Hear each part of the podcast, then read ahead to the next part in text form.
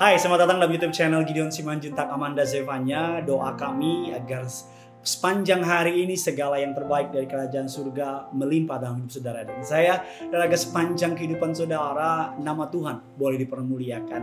Mari sama-sama kita akan memulai hari ini bersama dengan Tuhan. Karena apa yang kita mulai bersama dengan Tuhan pasti akan kita akhiri dalam kemenangan, kita akhiri dalam damai sejahtera sukacita yang hanya datang dari Tuhan. Mari sama-sama tundukkan kepalamu, kita bersama datang kepada Tuhan. Bapak yang baik, Bapak yang kami sembah dalam nama Tuhan Yesus. Kami berterima kasih untuk kasih setiamu, kami berterima kasih untuk kebaikanmu dalam hidup kami. Kami siapkan hati kami sambut kebenaran firman Tuhan. Urapi hambamu, lidah bibir perkataannya dipakai untuk menjadi perpanjangan tangan Tuhan.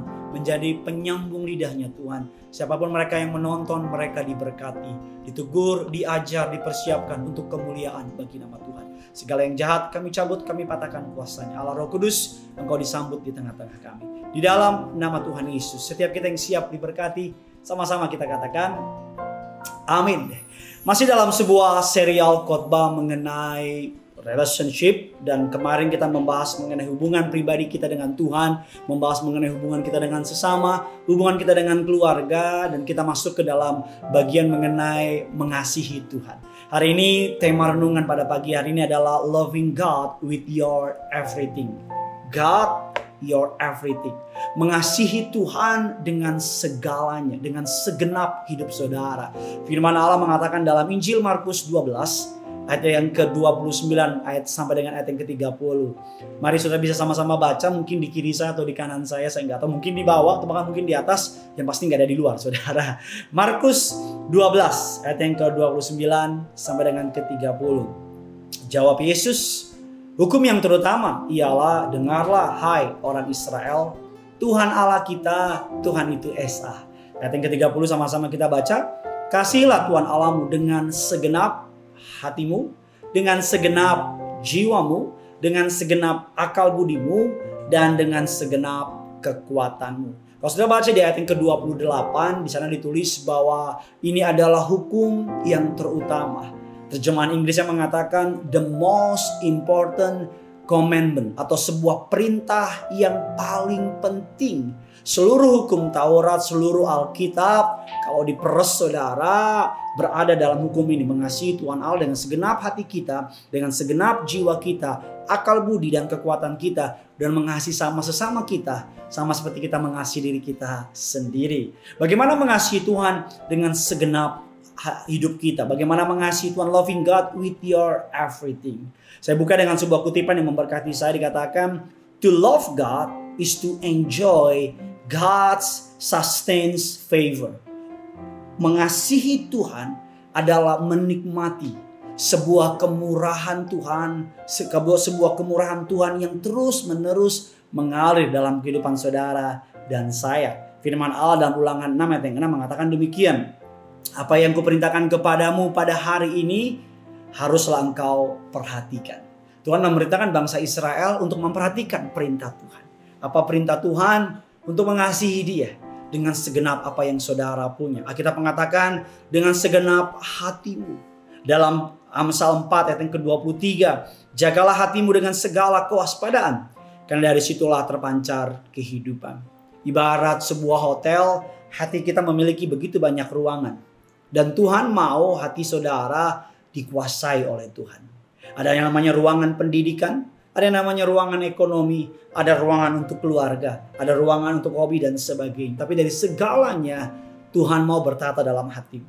Mengasihi Tuhan dengan segenap hati kita artinya adalah mengasihi Tuhan dengan segenap apa yang saudara miliki. Sebuah seorang hamba Tuhan mengatakan demikian, love God dengan mengasihi Tuhan dengan hati saudara ada love God with your passion, love God dengan hunger, dengan rasa lapar, with your perception atau perspektif saudara, dan with your thought atau dengan pikiran saudara.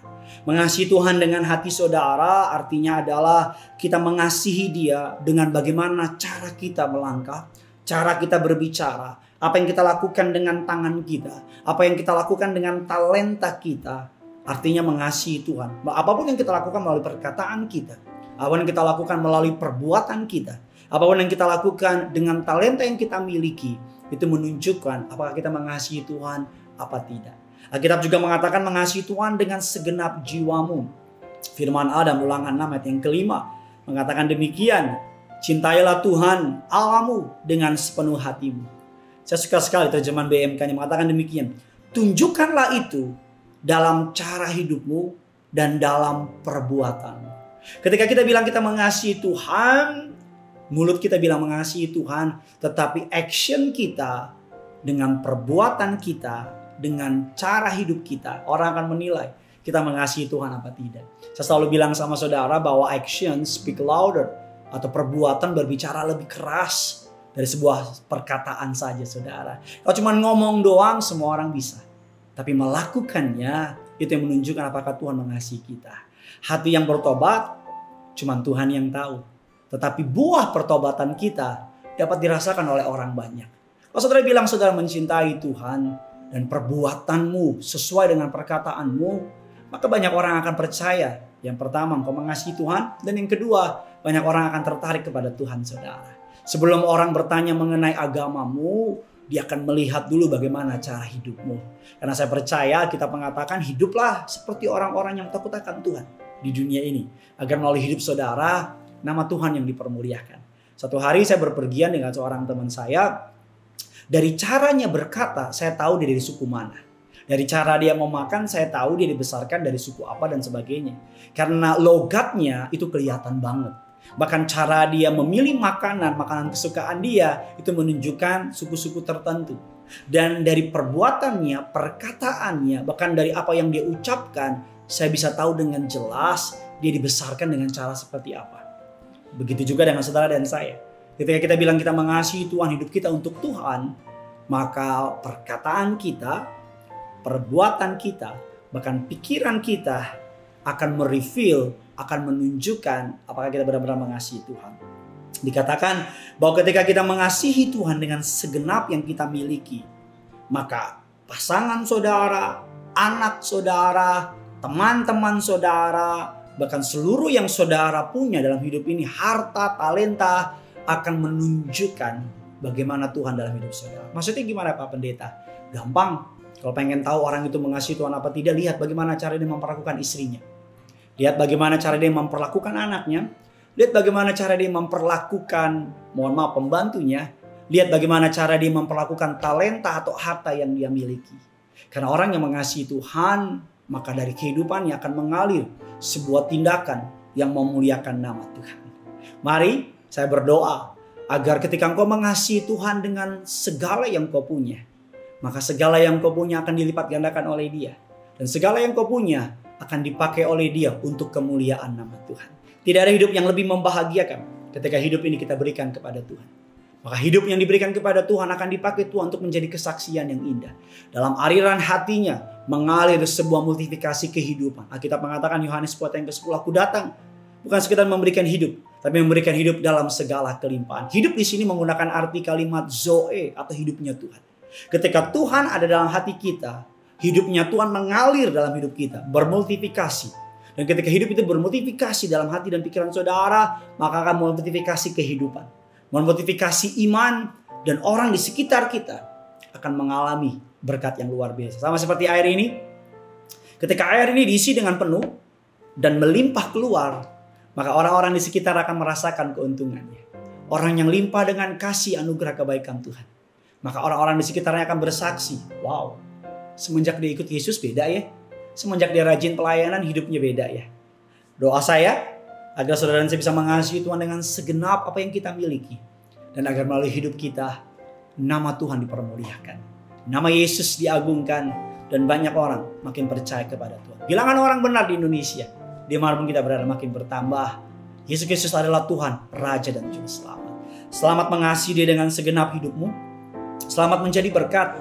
Dan selamat menunjukkan siapa Yesus bagi setiap saudara dan saya. Tulis kolom komentar di bawah. Bagaimana saudara mau mengasihi dia.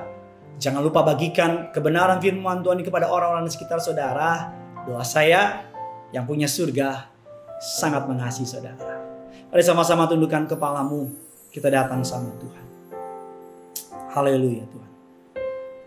Kami mengasihimu Tuhan. Aku mengasihi Engkau Yesus dengan segenap hatiku. Aku mengasihi Engkau Yesus. Dengan segenap jiwaku. Ku renungkan firmanmu siang dan malam ku pegang perintahmu dan ku lakukan.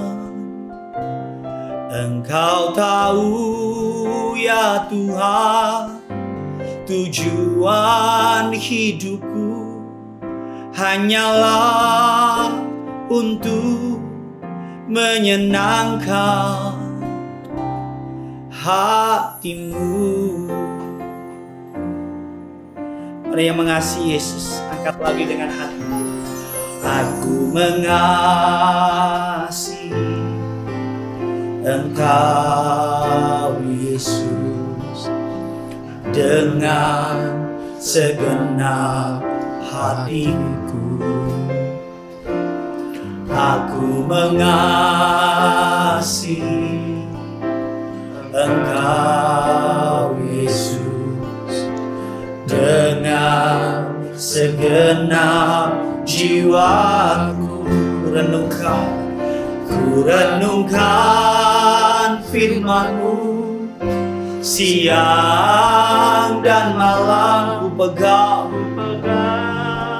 perintahmu dan ku lakukan.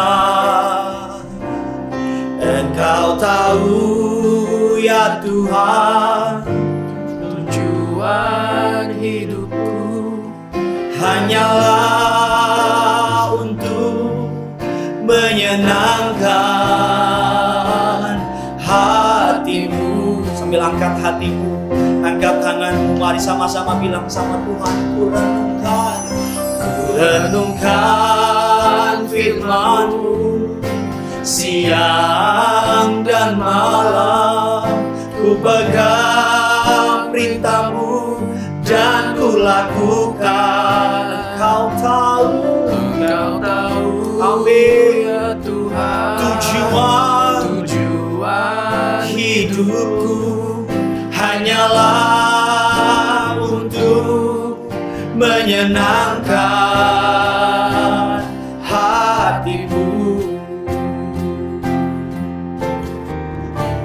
Mari lebih sungguh lagi. Ku renungkan firmanmu siang dan malam. Ku pegang perintahmu. Engkau tahu ya Tuhan Engkau tahu ya Tuhan. Tujuan hidupku Hanyalah menyenangkan hatimu. Mari bawa hatimu, bawa iman Kami mau renungkan firmanmu Tuhan. Ku renungkan firmanmu Siang dan malam. Kami mau lakukan Tuhan. Engkau tahu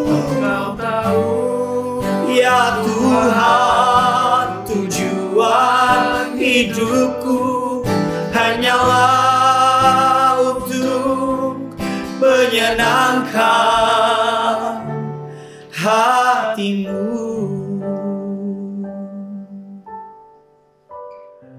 menyenangkan hatimu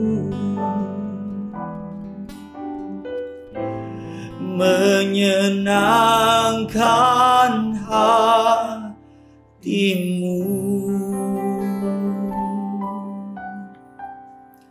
Ketika kita merenungkan firman Tuhan siang dan malam dan menjadikan firman Tuhan sebagai kesukaan dalam hidup kita, maka hati kita mulai berubah, jiwa kita mulai berubah, cara kita memandang dunia mulai berubah, dan otomatis hidupmu pasti berubah.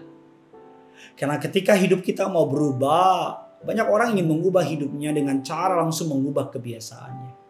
Sebenarnya perbuatan kita adalah produk akhir dari apa yang kita percayai. Apa yang kita percayai adalah produk dari apa yang kita dengar. Ketika kita mendengar firman Tuhan, merenungkannya, mempercayainya, maka apa yang kita dengar akan menjadi apa yang kita percayai. Dan apa yang kita percaya akan menjadi apa yang kita lakukan. Dan apa yang kita lakukan akan menghasilkan buah. Dan buah itu akan menjadi sebuah karakter. Dan karakter akan menjadi masa depan kehidupan kita. Hari ini mari ada banyak anak Tuhan tidak mengalami kehidupan yang Tuhan rancangkan dalam hidupnya. Karena membaca firman hanya menjadi sebagai sebuah kebiasaan, bukan sebuah kerinduan. Mendekat kepada Tuhan hanya ketika keadaan mentok atau ketika keadaan buruk. Mari hari ini biar kesenangan hati kita adalah Tuhan. Biar kerinduan hidup kita adalah Tuhan. Maka segala yang terbaik yang menjadi kerinduan hatimu. Ketika Tuhan menjadi kerinduan hati kita, maka apa yang kau rindukan, Tuhan pasti sediakan. Jadilah kuat, jadilah beriman, jadilah percaya. Tuhan punya rancangan yang besar bagimu dan bagiku. Rencana yang hebat disiapkan bagi saudara dan saya. Karena yang punya surga, crazy in love with you. Bye-bye.